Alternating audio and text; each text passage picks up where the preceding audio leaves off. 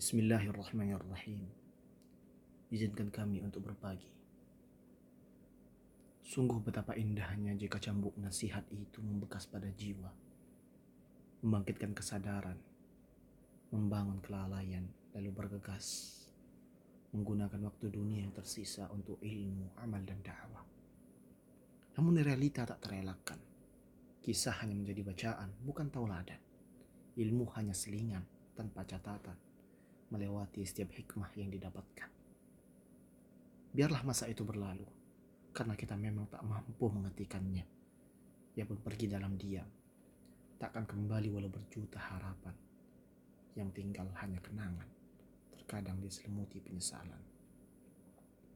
Saudaraku, takkah mengherankan kelalaian manusia yang menanti hari esok, namun ketika menjelang ia tetap terabaikan.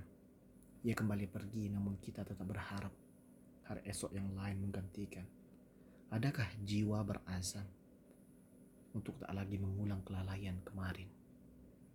Terasa memang dunia tak terelakkan. Walau kita menyadari bahwa pengumpulan itu hanya sesuatu yang diwariskan. Lalu, mengapa bukan ilmu yang diwariskan? Maka jangan berhenti, meskipun engkau hanya miliki satu kata nasihat.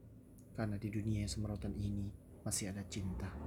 Semoga kita menjadi bagian dalam cinta ini kasihku untuk Al-Ustadz Al-Walid Ali Ahmad bin Umar. Wafaqahullah wa hafizah.